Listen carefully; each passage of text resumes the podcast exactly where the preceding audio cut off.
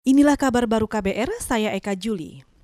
Saudara Presiden Joko Widodo menaikkan target pengujian spesimen COVID-19 menjadi 20 ribu per hari. Dalam rapat terbatas terkait percepatan penanganan pandemi COVID-19, Jokowi mengklaim target pengujian spesimen 10.000 per hari berhasil dicapai.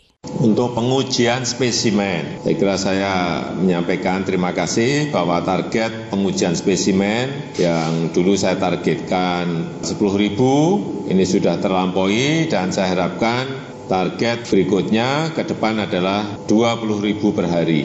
Ini harus mulai kita rancang menuju ke sana. Dalam rapat bersama menterinya, Presiden juga meminta adanya upaya penekanan angka penyebaran COVID di Provinsi Jawa Timur, Sulawesi Selatan, dan Kalimantan Selatan. Menurut Jokowi, tiga provinsi ini memiliki angka sebaran yang sangat tinggi dalam beberapa waktu terakhir. Kita ke Jawa Tengah. Pemerintah Kota Solo menetapkan kebijakan ibu hamil wajib menjalani rapid test virus corona jelang persalinan. Informasi selengkapnya disampaikan jurnalis KBR Yuda Satriawan dari Solo, Jawa Tengah. Pemerintah Kota Solo menetapkan ibu hamil menjelang melahirkan atau persalinan di Solo wajib menjalani rapid test virus corona. Kepala Dinas Kesehatan Pemkot Solo Siti Wahyuningsi mengatakan langkah tersebut demi mencegah penularan ke janin maupun tenaga medis yang menangani. Menurut Siti, pemantauan kondisi ibu hamil terus dilakukan, dilakukan hingga proses persalinan. Lebih lanjut Siti mengungkapkan menyediakan 2 ribuan alat uji cepat atau rapid test khusus untuk ibu hamil yang akan melahirkan. Sebagaimana diketahui, empat tenaga medis dan satu aparatur sipil negara atau ASN di Solo tertular virus corona saat bertugas. Mereka kini menjalani perawatan di sejumlah rumah sakit. Dari Solo, Jawa Tengah, Yuda Satriawan, KBR. Kita ke Amerika.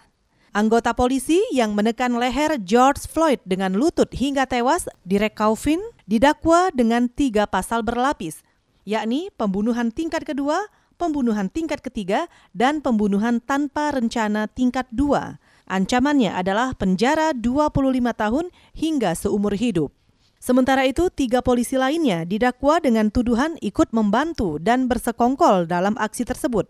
Keempatnya juga diharuskan membayar jaminan sebesar 1 juta US dollar atau sekitar 14 miliar rupiah karena terlibat dalam kasus ini.